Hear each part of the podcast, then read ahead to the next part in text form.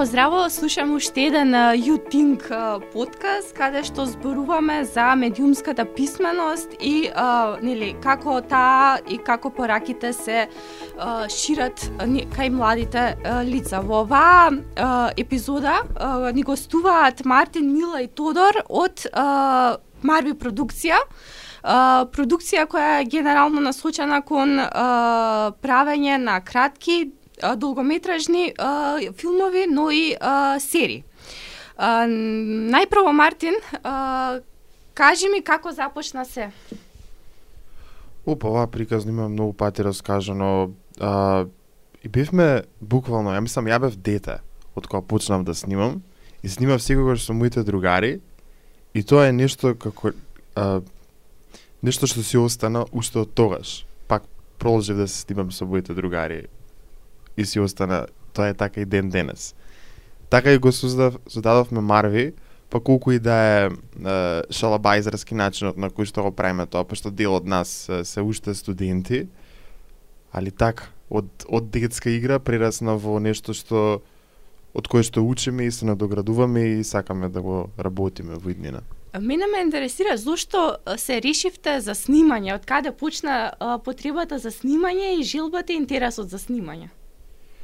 Па, искрено, јас ако се сетам за себе, тоа е нешто што секогаш било у мене, не знам како се родило, ама било во мене. А, и од таму е мојата, мојата жара, другите дечки ги запознавам барајки дечки кои што сакаат да создаваат заедно со мене. Uh, епа, Мила, може ли ти да ни раскажеш зошто одлучи да, еве, да соработуваш со Мартин и да влезаш во целата приказна, како се случи сето тоа? А, јас многу случајно ги открив како Marvi Production на Инстаграм. Ми се видоа интересни, изгледа како да се забавуваат, потоа што може да го видам. И после ми излезе пост повик за кастинг, викам зашто да не отидам, пошто секогаш ми била така неостварена желба да глумам. И отидов. И многу беа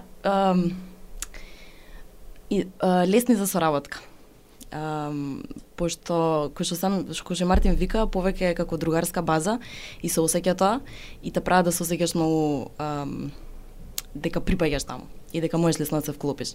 И целата соработка тоа ја прави многу поинтересна и подобра. А, Тодор, како ти влета во целата приказна? Um, епа, исто така имаше отворен кастинг а, пред неколку години и И така уствари дечките ги запознав, имав а, текст кој што требаше да го научам и дојдов пред камера и беше беше мислам ам, аудицијата, извини кастингот, а, беше во еден стан кај што имаше многу луѓе и јас дојдов а, мислам дека после после школа беше и само дојдов викам ајде да си пробам среќата и и дојдов пред камера и се засвигел тоа што сум покажал.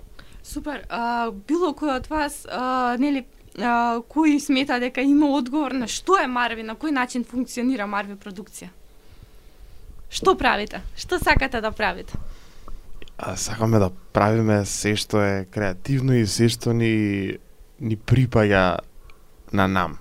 Се што ни одговара. Што, се што иде со нашиот стил. А тоа е, е снимање на филмови или спотови или нели кратки филмови, тоа, тоа углобава е тоа што сакаме да го да го правиме. А, што се до сега имате сработено? Јас знам, ја имам гледана кусата комедија, а, јас не сум педар, а сум, за, сум запознаена и со генерација Бушави како нели серија и до другата страна што мислам дека е долгометражен филм. А, ајде кажете ни повеќе за ова и за некои други ваши дела еве што не ги офатив, што не ги представив. Е па вие сите што ги наброја се создадени од од срце што се вика, не дека нешто се создава па не се прави е, да не доаѓа од срце, ама е, ги направивме пошто јас кога создавам има некоја интуиција во мене и емоција која што ме води низ процесот, е сега знам дека не е само тоа, дека е многу повеќе од тоа, затоа и сакам да идам да студирам, едва чекам да почнам сега од септември, ама тоа, тоа е тоа што ми ме водено да ги создадам изгледаат така како што изгледаат и ќе си останат така у, у едно време у кое што биле создадени и кој ќе се кој ќе идам да студирам, кој ќе се надоградам, кој ќе пораснам интелектуално и емотивно за да можам да им се навратам и да ги погледам и да видам што било да се создава со интуиција и емоција. Али пак било нешто за кое што на мене ми значало и биле на теми на кои што јас сум имал што да кажам и сум го кажал баш онака со своји зборови. Што гледате моментално ова прашање за сите? Еве, ајде, кои се последните неколку филмови што ви имаат оставено впечаток? Не мора да се нови, туку само последни, еве, од нешто што сте гледале. Може и серии, може и кратки филмови, не Um, за мене барем е Whiplash. Um, многу добар Топ. филм според мене. Не а, филм кој што не не трае толку долго, мислам дека е околу сат и пол, ама или сат и 50 така нешто и филмот многу многу те те внесува у у целата атмосфера на креирање на виртуоз, на ам, човек кој што може кој што мора цел цел живот да си го внеси и мора да биде 100% внесен во тоа што го работи. И ја вади секоја под секоја капка крв од него за да за да извади нешто што е што е она masterful creation во во тој случај е музиката но може да се преведе и за глума, може да се преведе и за било што друго, но тој тоа ниво на професионализам и на она dedication, што се вика. Многу многу добар. Глобал. Мила ти? Како се викаше Мартин? 8th grade. Последно ја и Мартин го гледавме, он ми го препорача од Burnham, да. Ау, Одличен филм. побрнам, браво, браво. Да, јас не знам дека има филм. Мартин го пушта и читам Burnham и кам не, стварно. Многу беше добар. А, точно го опишува моментот да си осмо и сите проблеми да да се сносиш сите проблеми кога не се кога а, не припаѓаш во во тој свет, не се дека припаѓаш. И многу е- беше добро направено, а инаку е општо поише сакам да гледам а, некои психолошки трилери, хорори. Мислам дека последно гледав Good Night Mommy, некој нов хорор. Чисто да си го истарам така. И од серии морам да издвојам You. Предобра серија, се имаше нова сезона. А, пошто јас студирам психологија и уште повеќе ме интересира тој момент, пошто не представам како социопат, психопат, така. И многу добро а, навлегува во неговиот свет и те тера да размислуваш како него Значи, и да и да с- да, се како се вика да емпатизираш со некој иако знаеш дека не е добар човек и ме убивано и така натаму сега спойлер свајда ако некој Значи, не гледал. вака, еве, професионално, психолошки, а, Ю а, добро представува карактери, значи, да се гледа Да. обавезно. Да. Добро. Ти, Мартин? Ја на тој човек од Ју не можам ни диагноза да му дадам. Не знам ни што е тоа, така како што е формирано за Netflix. Um, јас, па ја исто го гледав 8 Grade, ама 8 Grade го гледав не сум Мила, го гледав и пред тоа. Филм сега што ми остави впечаток, кој многу силен, um, беше Close, ако е ептен, ако збориме така, малце по арт нешто, Кан што било селектиран. Um, ама друг филм, освен тој, беше The Fablemans на Стивен Спилберг. Као тие два филма, у последно време ми имаат најголем впечаток оставено.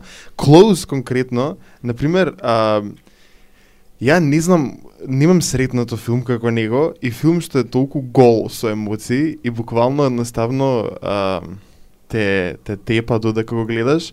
Има и некои смотани работи, утнати работи, ама настрана тоа беше многу а, богат со емоција и, и те погодува на начин на кој што до сега филм нема погодено, има уште многу филмови за гледање, за да погодат на, на било каков друг начин, ама овој се направи нешто друго од тоа до сега што ги имам сретнато, затоа би го издвоил. The Fablemans па беше цела ж, е, фиктивна животна приказна на Стивен и и беше беше доста забавно за гледање. Мартин, ја да чекав заедно да го гледаме, тоа е ма добро.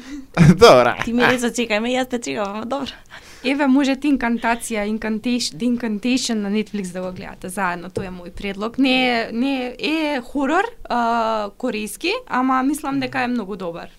Стварно онака ми, ми остаи доста голем впечаток затоа што многу е тешко хорор да направиш, онака да да да излезеш нели од таа рамка и што ја продаваат како брза храна.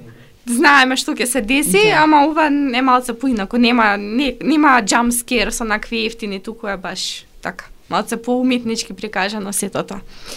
А, во ред, а, еве се го започнавме муабетов за филмови, се испреплетуваат некои а, што се нели независни, некои што се преку Netflix.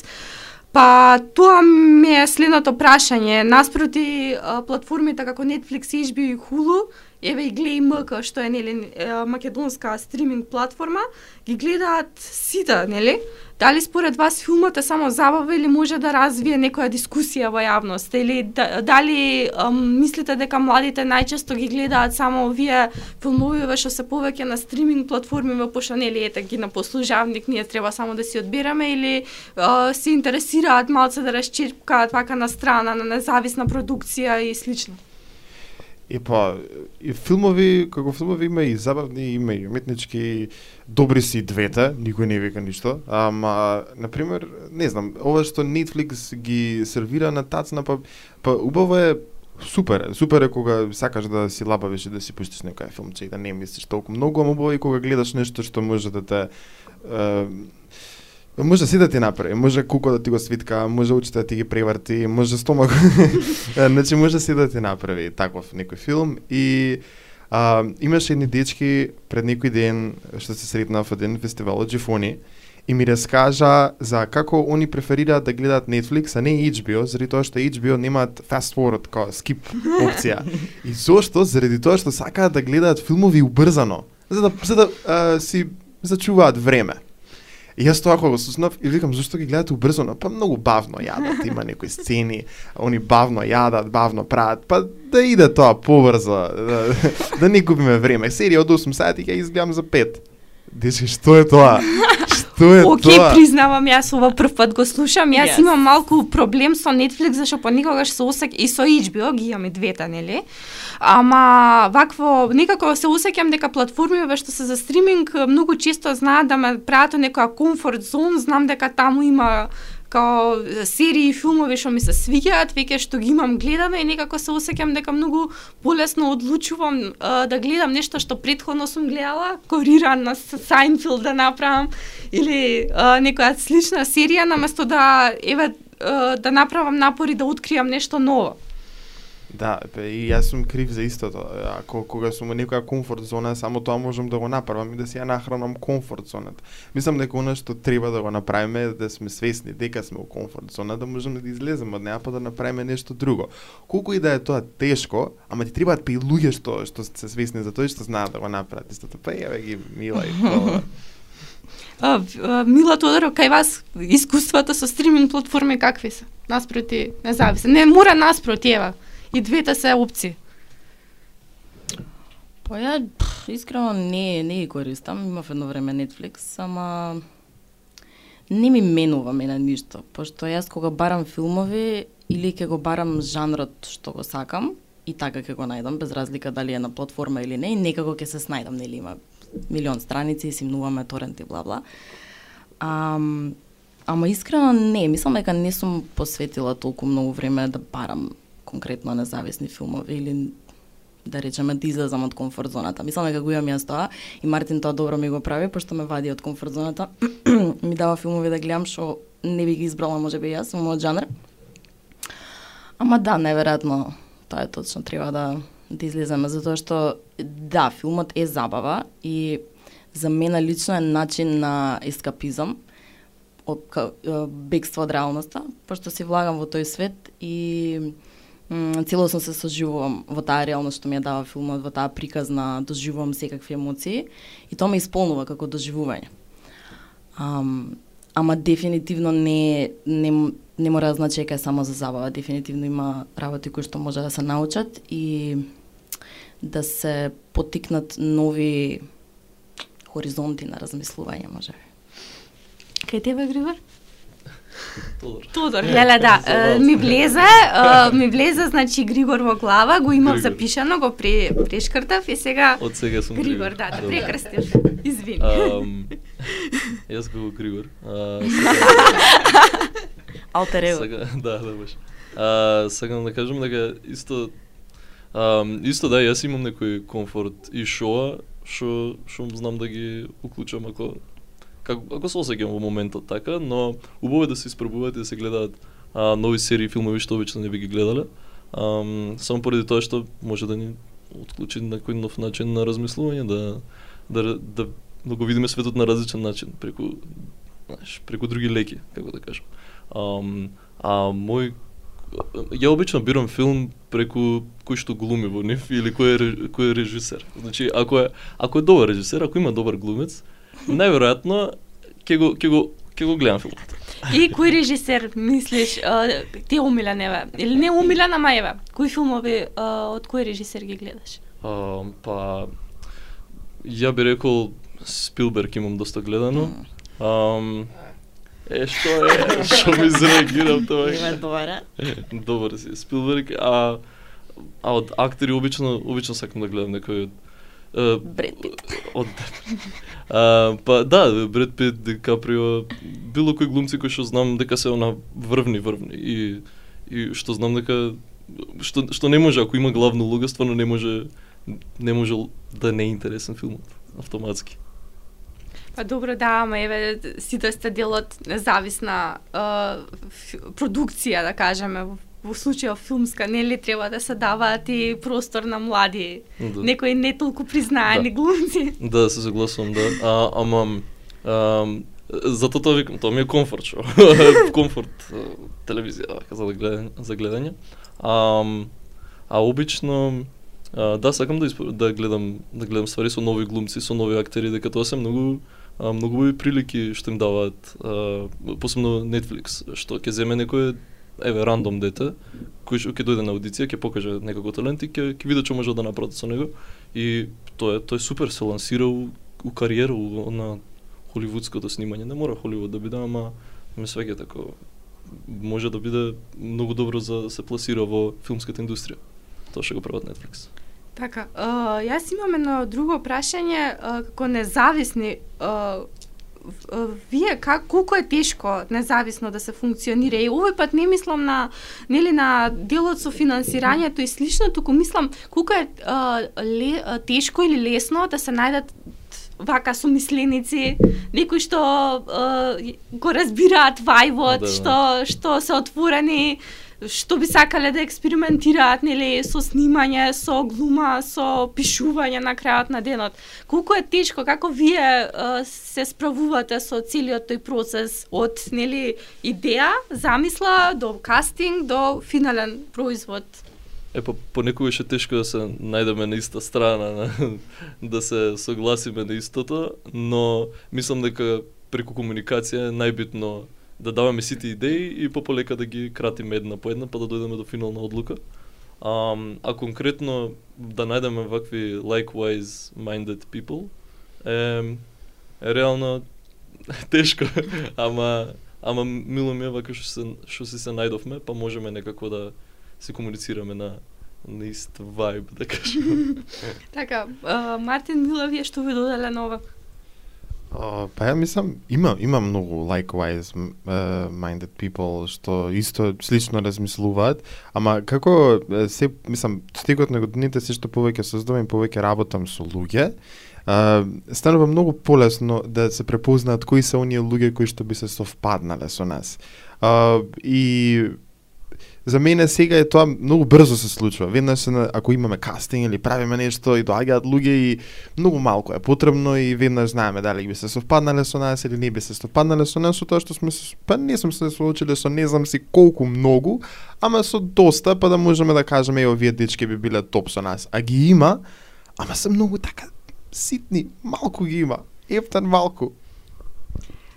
Мислам дека е многу тешко и да најдеш луѓе што ќе се отворени одма за било што, ајде брейнсторминг, имаме идеи, ќе пробаме. Па не мора да е толку добра, ама битно ќе го пробаме. Многу мислам дека кога стана збор за да се создаде нешто креативно, луѓе се се плашат, имат граници како ќе изгледа, па може би ги немаме доволно сите средства и може нема да изгледа толку добро и не ни почнуваат и не се не се толку отворени. И, или пак се се ограничуваат а, по тоа колку ќе има профит на крајот тоа што ќе го направат. Не се фокусираат на процесот дека ќе создадеме нешто, визијата ќе ја создадеме, ќе ја материализираме, него што ќе добиеме јас после тоа. И тука се губи, не знам, љубовта, пасијата со која што го правиш тоа. Па, како размислуваше ти а, посите по сите овие а, прашања кога се реши да се пријави на кастинг, да се пријавиш на кастингот или воопшто не размислуваш, едноставно сакаше да да да пробаш? Буквално не размислував. Само сакав, знаев дека сакам да го правам тоа и сакам да го да го доживувам и да усетам како е. И затоа сум многу срекна што ги запознав, пошто со Мартин и со целата Марви баш имаме таа таа конекција на ајде ке правиме нешто, ајде дај некоја идеја. И стварно воопшто не размислував ни што ќе добијам, ни не размислував, буквално само сакав и ја видов шансата и Се реши, да. Да. Така. Супер, мене тоа многу ми се допаѓа како како процес.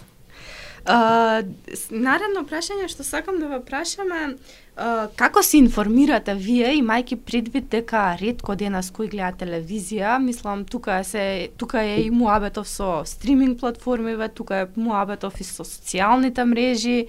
А, мислам дека телевизијата како медиум, она програма направена од некој друг уредник, ретко кој веќе се нафаќа да го конзумира тоа, па отаму и прашања. А, не, не го сватив точно прашањето.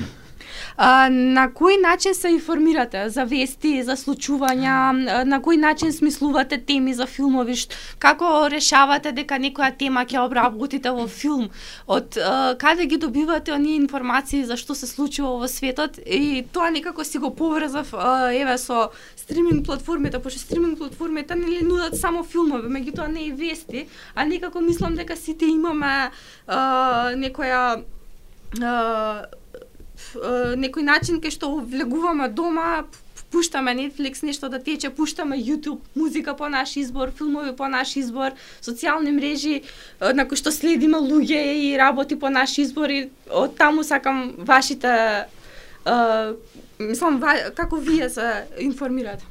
Така, па, па мислам дека сите да се информираме од Инстаграм, сака лекеле, таму е се. А, или на TikTok, а да, кој кој колку верува во тоа, не знам, барем ние не не сме не се не се доверуваме на апликацијата толку многу.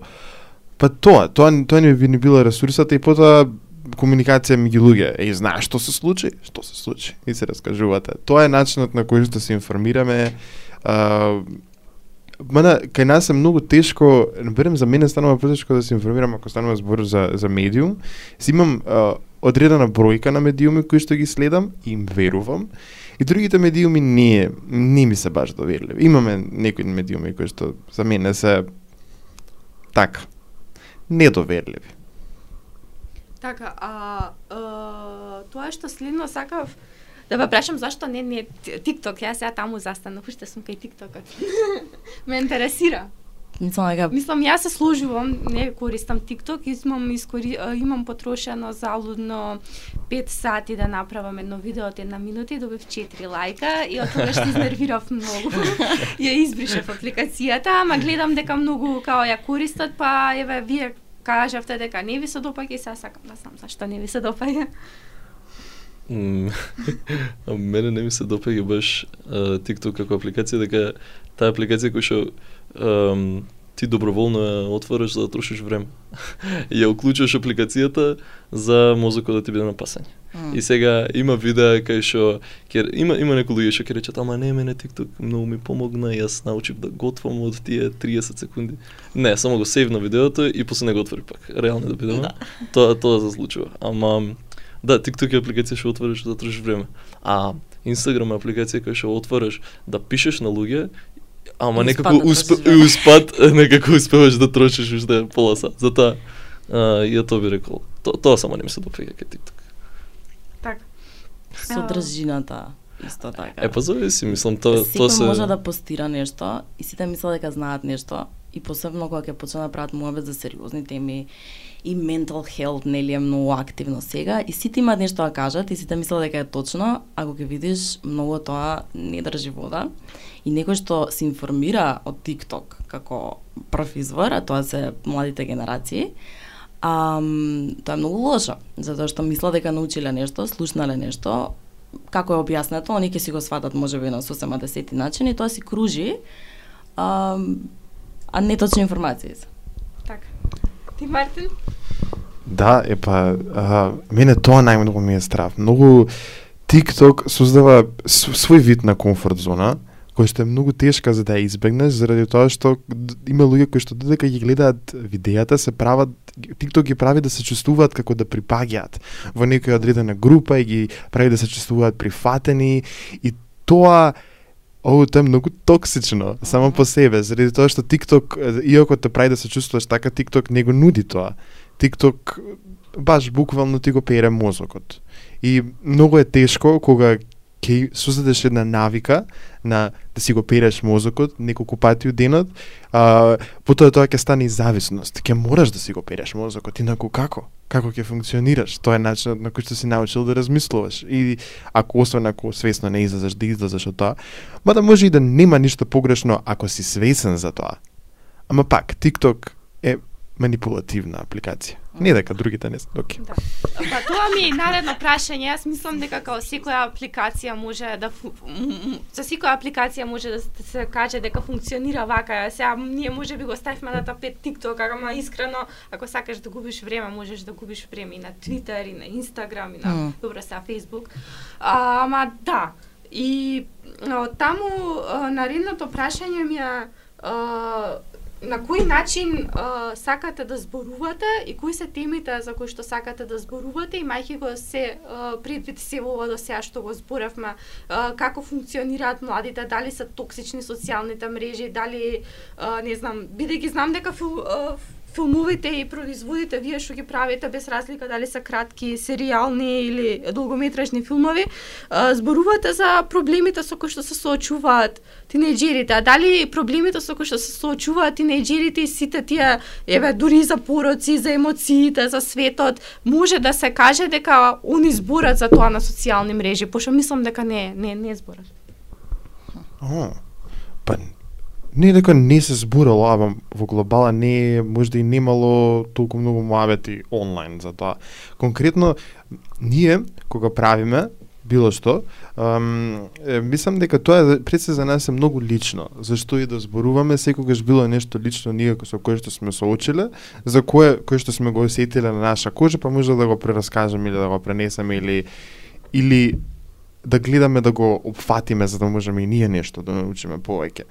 Па, а, темите кои што сме ги опфатиле, сметам дека се Добро, секако се важни за нас пред се, ама сметам дека се важни и колективно како да покренеме баш колективна свест. Ба, оние кои ги гледаат им обрнуваат внимание заради тоа што луѓето што ги гледаат се оние луѓе кои што сакаат да се бават со тоа или кои што ги интересираат што направиле овие дечки, а, а, што сакаат да снимаат тие се тие луѓе и, и потоа и ние меѓусебно и се запознаваме и, и тоа е баш таква некоја блиска реакција и се мислам кругот сме гледале да го градиме за да бидат се повеќе и повеќе луѓе дел од тоа, ама секогаш било на некоја блиска релација. Многу е потешко да стигнеш до некоја, не знам, поголема масовна публика и тоа да допра до нив а, и, и они да стават дел од дискусијата кога нив кога многу е, не мислам, немаме пред се маркетинг, ама не не тогаш ќе се уништи таа релација. Без разлика, мислам дека е многу тешко станува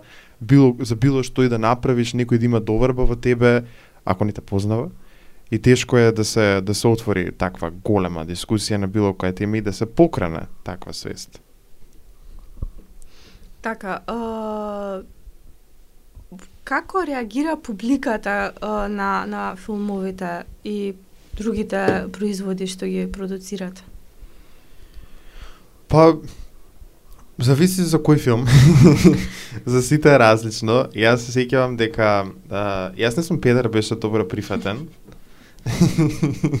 беше добро прифатен бидејќи а, Uh, јас не сум педара достапен на YouTube, uh, значи може да uh, отворите ја, да uh, го искуцате тоа и ќе добиете една, еве, од нас бонус uh, предлог за што можете да гледате ако не знаете што да гледате на Netflix и на HBO оваа вечер. ете така да си знаете, дечки. Прекрасно дело, препорачувам. А, беше прифатен добро заради тоа што а, беше комичен, тоа е познато за нас, значи не е нешто некој ново да се сретне а, со тоа и и беше темата педер. и тие две теми дека идат едно друго, тоа е, нели, тоа е веднаш нешто што е познато и се гледа и се прифаќа и сето тоа. Кога е нешто што е непознато или нешто што е не секојдневно, не знаете колку тешко тоа проаѓа кај нас. Никој не сака да го гледа тоа. Тоа не им е познато. Што има јас тоа да ме интересира? А, барем такви а, такви луѓе имам сретното со такви ставови. И не ми изненадило, ама барем Воу, као никој не ќе ништо ново, сите си сакаме наша комфорт зона, наши секојдневни работи, наши секојдневни луѓе, ништо необично, ништо не секојдневно, значи тоа. И а, за некои други, а, на пример, еве за генерација бушави, а, какви реакции добивате од, од другарите што не што, ваши, што не се дел од нели Марви, туку само се само имаат гледано серијата. Што тие дали некогаш сте зборувале за нив за што тие би додале, што тие би одзеле, дали им некоја работа поинаку би ја представиле или слично? Uh, да, моментално се избираат меѓу себе кој да збори. Ам, јас од мојот близок круг на луѓе имав повеќе позитивни реакции од негативни. Имаше тук таму сега не ми текнува точно, може би во детали, ама си има секој нешто да каже, знаеш. Можда тука ова не ми се свига или овде зашто е така. Ама генерално им се свигаше и од тоа што можевме да го искусиме на јавни како се вика, скрининг, Да, при, прикажување, прикажувања. проекции. Um, имаше позитивни реакции во делот на комедијата, како тие работи што сакавме ги представиме како смешни, односно Мартин што сакал да ги представи како смешни, на вистина помина како смешни. И тоа многу ни се свигаше. А, имаше, имаше секакви различни ставови во однос на, на серијата, со оглед на тоа дека, пак, ке, нели, големиот дел од публиката имаше предвид дека ние ова го направивме баш онака со младински а, буџет, со младински, мислам беше беа финансии кои што дојдоа од младински фонд. И беа беше многу мала бројка на финансии со кои некако успеавме да направиме серија а, што е за, за кое е потребно многу време, многу напор, а, па и многу пари. А ние гледавме да го направиме со многу време, многу напор и ич пари.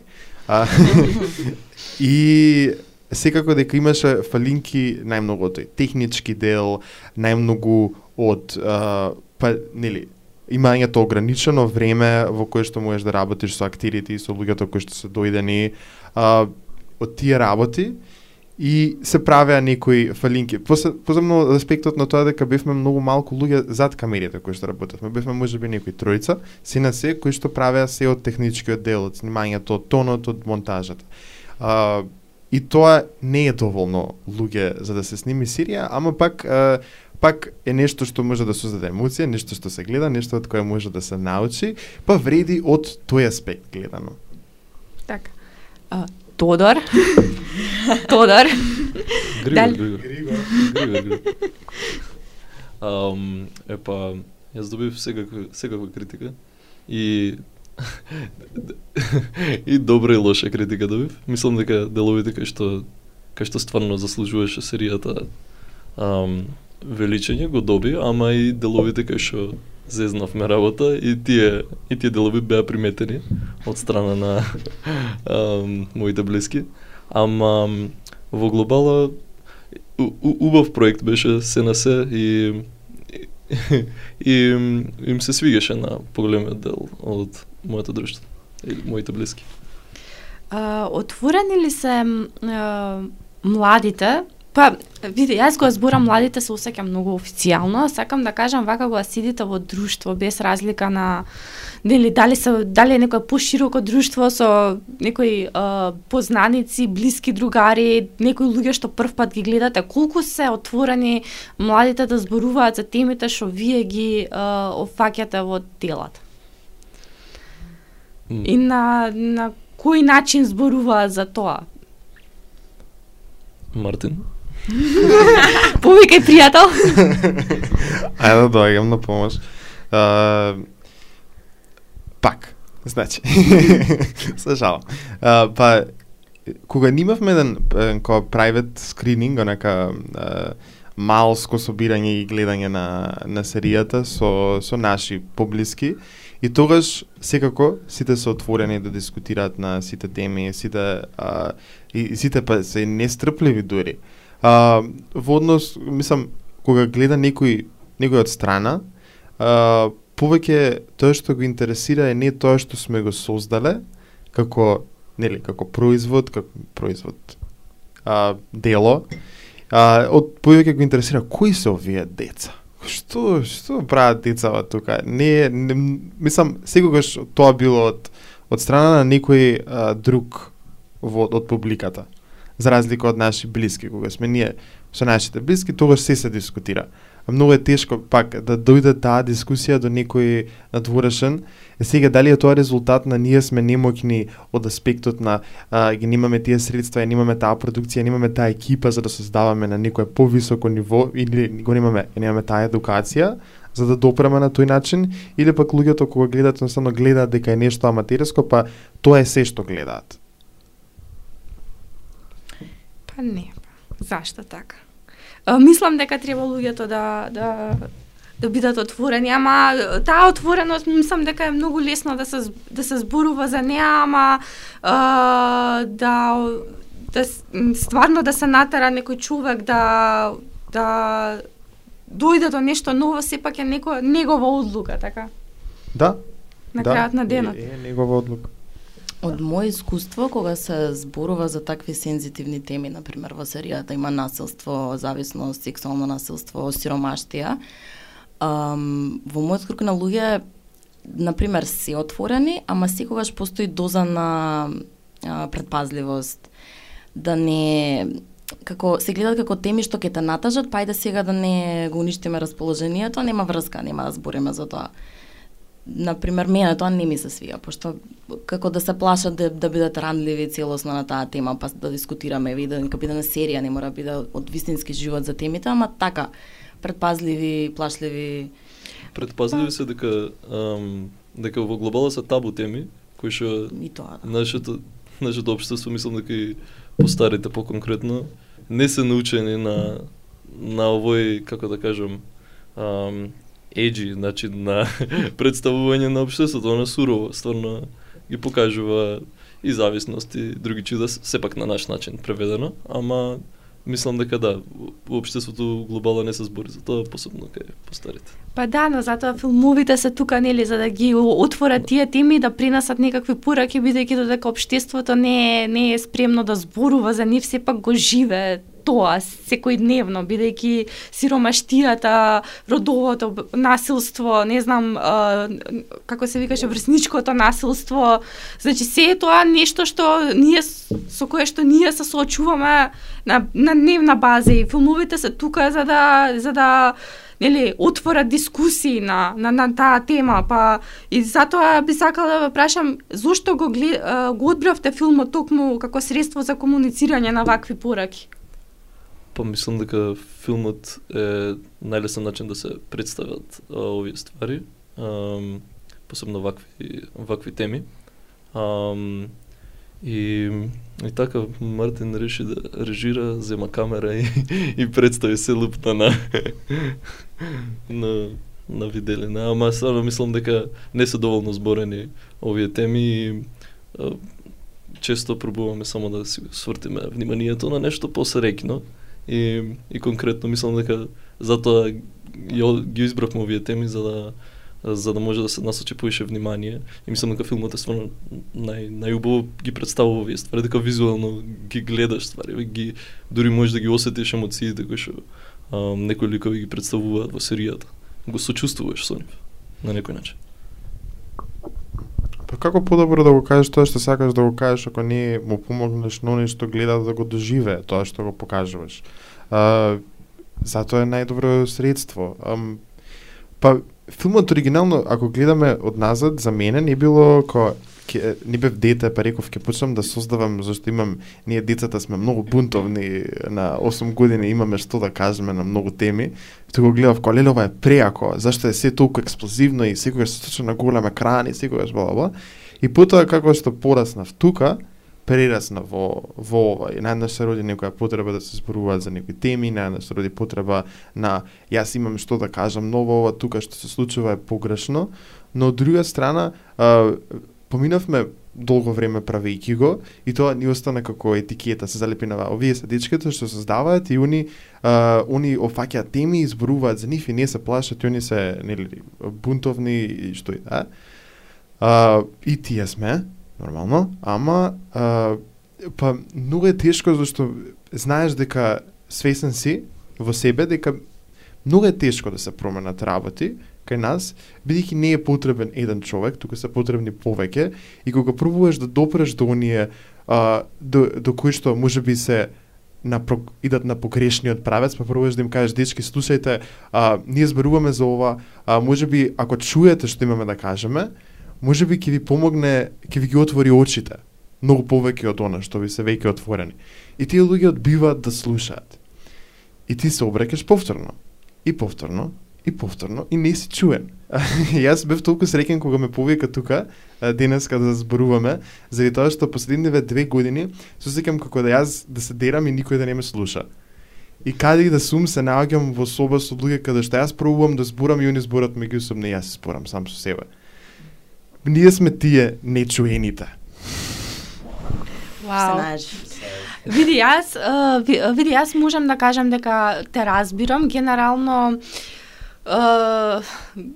тие што uh, сакаат да пренесат некоја порака што нели одстапува од одстапува од некои норми и кои сакаат да донесат промена, сегогаш ќе бидат малку потивки uh, за разлика од оние што носат шунт, мислам, да не мора да спомнувам ништо се поминува јавноста да деновиве, на сите ни е јасно, меѓутоа, не знам, јас мислам дека баш сакам да го слушнам вашето размислување на таа тема, дека е, од каде наоѓате енергија да, да константно да зборувате и да зборувате и да зборувате и да се слуша да, да се чувствувате како да не сте слушнати, но вие повторно и повторно и повторно се обидувате.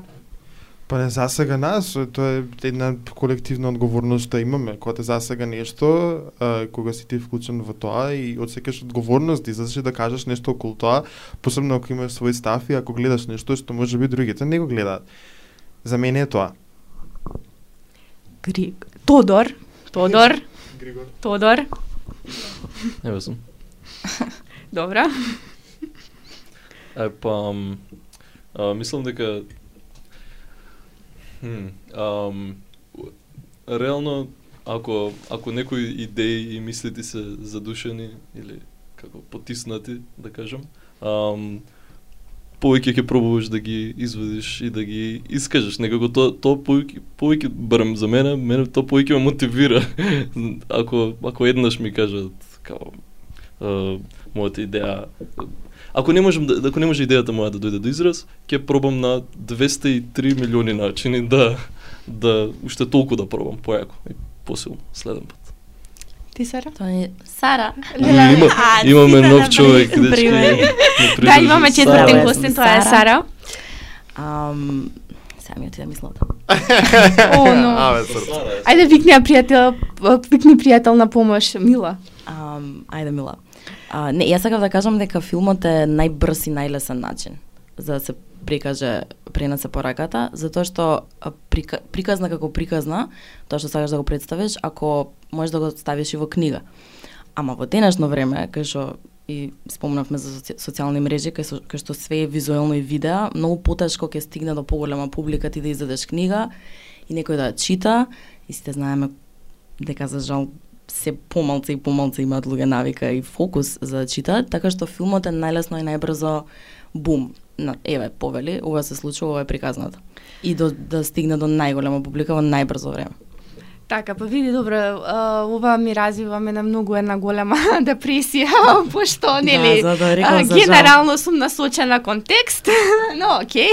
А, свесна сум многу за тоа, да. А, и мене на вистина ме зачуди оној муабетот на почетокот дека а, луѓе она пуштаат на побрзо да се гледаат филмовите за некои сцени така да да поминат. И Јас може би тоа два-три пати го имам направено на не на филм, туку на подкаст што ми бил полудосаден, така што да имам до филм ако Тоа, тоа е стигнала. прифатливо, за подкаст е прифатливо. Ама ако стигнал до филм, што правиме тогаш, онака, а, значи Дали имаме време, значи имаме време да а, скроламе по 2-3 М. сати на TikTok, а немаме а, време да изгледаме филмот еден и пол сат, затоа што к- како да се бориме против тоа немањето на на концентрација. Е, па баш заради тоа што седиме 2-3 сати на TikTok, нашиот мозок се на, се навикнува ние кратко и брзо да ги добиваме тие а, информации и допамин исто така. И кога ќе седнеш еден сат да гледаш, веќе не ти е доволно, не ти е доволно забавно, нема нешто да те енгејджне, ако нема цело време нешто да се случи, ако имаме досадна сцена кај што некој јаде, ти си навикна тоа, тоа би го скролал одма на TikTok и си викаше па и ова ќе го ќе го форвардам. Двете се поврзани. Ќе имам realization момент моментално, така многу е пос силен од не не сум подготвен, не сум подготвен за тема. Ајде, ние сме подготвени. Ајде, ајде, ајде. Тука Јас сме. не стварно стварно ако ние не, нели тоа што го кажавме ако филмот немаме трпение да го изгледаме деам Као тоа е многу тоа е многу страшно. Не знам, не сум не сум подготвен од аспектот на јас сега го као сега го мислам доаѓам до тој заклучок, сега разбирам, сега се будам. А, Се Ух. мислете каков ќе беше, не, каква ќе беше реакцијата книги да пишуваш. не знам, ќе си пишував уште. Е па тоа ќе го правам. Уште ќе се снимам во секој случај. А, па може би може би работите ќе се сменат. Да, може би, може би, вака во некоја далечна утопија ќе ни стане досадно од телефонот и ќе го фрлиме телефонот и ќе трчаме слободни кон задислонцето. Имаш прекрасна имагинација. Ајде јас каде идам да живеам таму со тебе.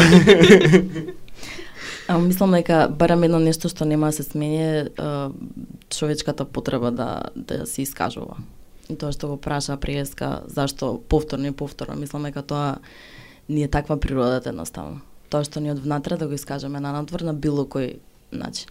И Мислам дека тоа нема да престане. Да, то е, и не треба да престане, но од е, една страна имам имам еден заклучок што е лично мој, а тоа е дека е, да, е, луѓето сака да е, да да се изборуваат, нели, на секакви теми да се изразуваат, меѓутоа што се случи, некако како сите убави замисли да ја добиваат најлошата реализација. И некако како тоа што го кажа ти не е истовремено тоа што луѓето сите имаат став за ментално здравје на TikTok, не не, никако во Да, таа слично, јас повеќе го кажав ради потребата да снимаме и да продолжиме и зашто цело време сакаме да го искажеме, с- да го дигнеме свод глас. Ама, да, е па тука е и свесноста. Не е само ти да се искажуваш, треба да има причина и цел зашто го правиш тоа. И да си доволно свесен дека не знаеш се и дека добро треба да ако веќе сакаш некоја порака да пренесеш или знаење или било што, добро да да се спознаеш себе си, докај се твоите граници и можности, што знаеш и како ќе го пренесеш тоа, не само да го пренесуваш. така. Е сега Импулсивно. помеѓу да, па и тука одново се раѓа нели тоа прашањето за е, за лична одговорност и е, јавен интерес и е, се тоа што некако како да отсуствува од социјалните мрежи. Дефинитивно. Многу е, пошто е виртуелен свет, и се намалува одговорноста, чувството на одговорност. Јас ќе го пуштам во етерот, никој мене лично, не го кажам лично на некој, нем, нема толкова чувство на одговорност. Јас ќе го направам видеото, ќе го кажам, Да, и некако се доживува повеќе како мисла некоја твоја што ќе ти се појави ќе ја да, импулсивно ќе искуцаш, да, ќе снимеш, да. И импулсивно ќе излезеш додека за разлика од, uh, например, поема, краток расказ, филм, uh, музика, песна, uh, инструменталка, за тоа тоа е исто така порака, меѓутоа тоа е обсмислена порака, има одговорност, има тема, има има труд и uh, нели, uh, многу по, подолго време Uh, подолго време треба за да се состави, а од друга страна мислата летнува за 3 секунди е пуштена таму и не знаеш, не, не се знаат баш а, а, последиците. Никако како луѓето да не ги знаат последиците од а, неконтролираното пуштање на мисли пораки во јавниот етер, како да не го доживуваат дека тоа сепак на крајот на денот е на некое нивно дел. Да, да, да. Е тоа. Јас, јас се уште сум под еуфорија на моментот до е, на констатација што го имав сега, ама полека полека нели се, се поблиску и поблиску сум до вашиот разговор иако не да се оддалечив. А, а, мислам дека а, ако не знам, се ние да зборуваме за тоа, ние да бидеме свесни за тоа, од нас нека почне, па па секој што ќе го сретнеме, ќе ќе го споделиме нели нашиот став, нашето искуство. А, и оној што сака да чуе, ќе чуе. Бога ми, верувам дека пошто за мене така секогаш било, а, се учи кога сака да се учи, кога се сака да се учи и стварно се учи. И тоа е нешто што важи за сите, мислам дека. А оние кои што не можат да дојдат до таа констатација, кои што не можат да, да се развијат или да пораснат, да речам, интелектуално, да видат нешто повеќе од тоа што веќе гледаат, а, секако може да им се помогне, може да им се обратиме, може пак да им кажеме, ама ако они не слушаат, па што му друго можеме да направиме? Тодор? Се согласувам со цело срце. Um, вака, кажете ми, освен, uh, јас не сум педар, што можете да го гледате на YouTube вечерва, uh, што друго и каде може да се најде од вас? А, па моментално на YouTube има уште еден краток филм, свежо снимен, 16-ка. Го снимивме заедно со Оли, мојата најдобра другарка што сега студира во Колорадо. Супер за неа. А и пред да отида да студира, а, си го направивме филмче. Им го осетивме на нашето мало и се работи за growing up, за растење. И потоа го имаме Ема, Ема е нашиот прв долгометражен, тој се уште на YouTube. Јас не сум педер и јас не припаѓам тука. Е тука а, еден па поинако филм кој што се работи за ментално здравје, поспецифично и за нашиот град Скопје. Така, а дали може би а, кој кој ваше дело беше во синаплекс и што можеше да се гледа на Глеј, зашто некако како така да памтам дека а, Супер прашање, само што ме подсети Тодор дека а, Бушави е на Глеј. а, можете да го гледате на Глеј, сите шест епизоди се таму. Uh, by the way, аплициравме за втора сезона, направивме цел концепт, го испративме до Глеј, uh, чекаме на одговор, може би ќе имаме и втора сезона, дај Боже. Uh, во uh, бе, беше Ема, како прв наш долгометражен и потоа, па да речеме, среднометражен uh, другата страна, кој што исто имаше проекции во Cineplex. така. А, дали може би работите на нешто ново? Или а, тој А. последниот филм беше најновото што го направивте, сега сте во некој брейнсторм? Да, 16-ка беше последниот, тоа беше минатото лето. Сега сега аплицирам на универзитети. Аха, значи дојдено е до таму.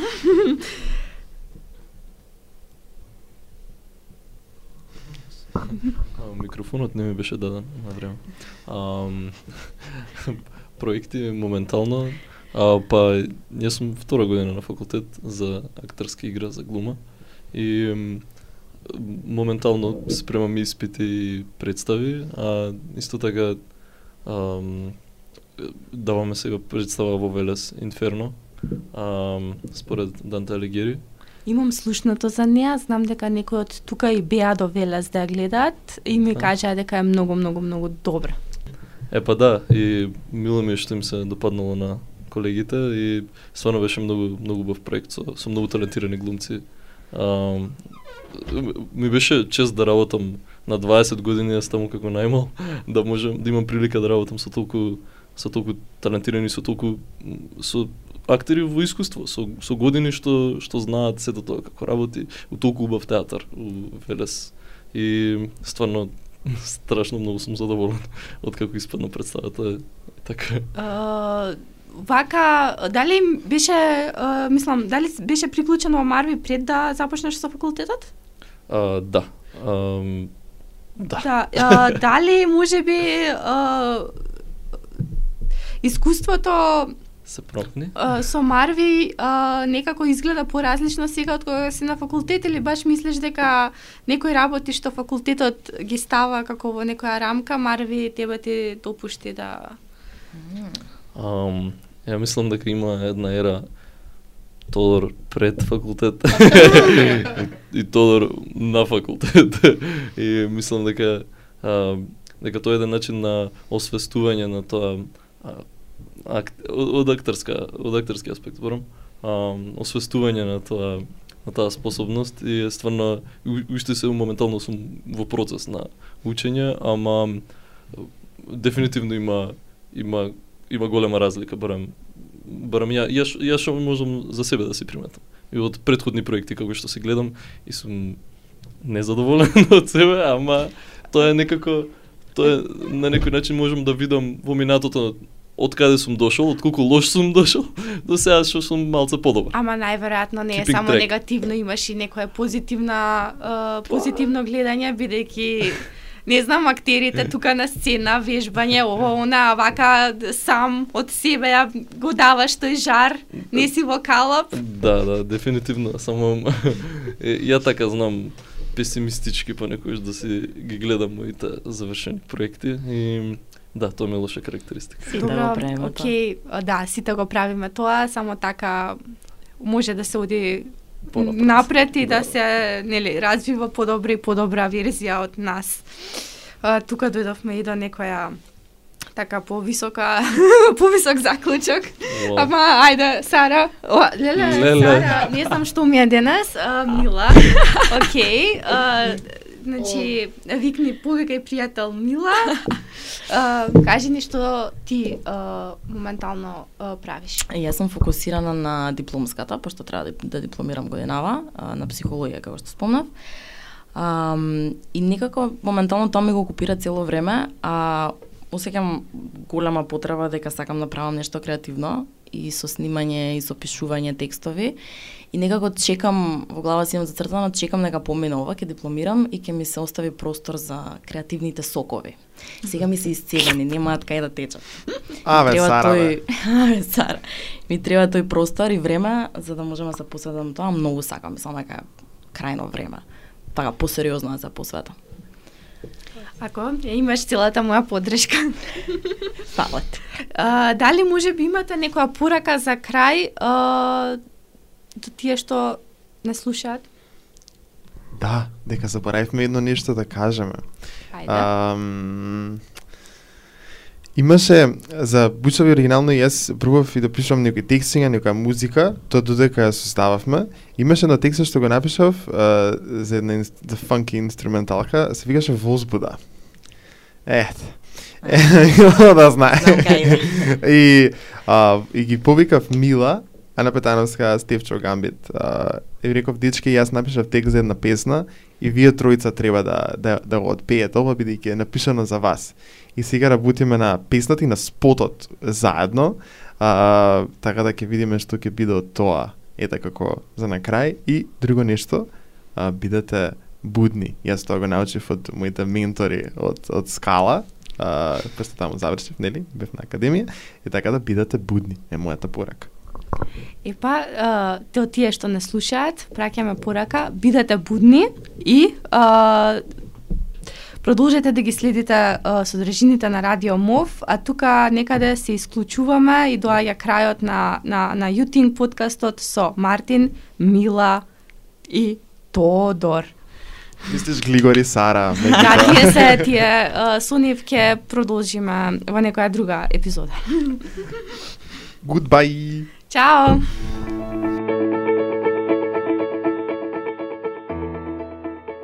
Овој медиумски продукт е овозможен со поддршка од Американскиот народ преку Агенцијата на САД за меѓународен развој УСАИД. Содржината е одговорност на ИРЕКС и нивните локални партнери, Македонскиот институт за медиуми, Институтот за комуникацијски студии и Младинскиот образовен форум, и не ги изразува ставовите на УСАИД или владата на Соединетите Американски држави.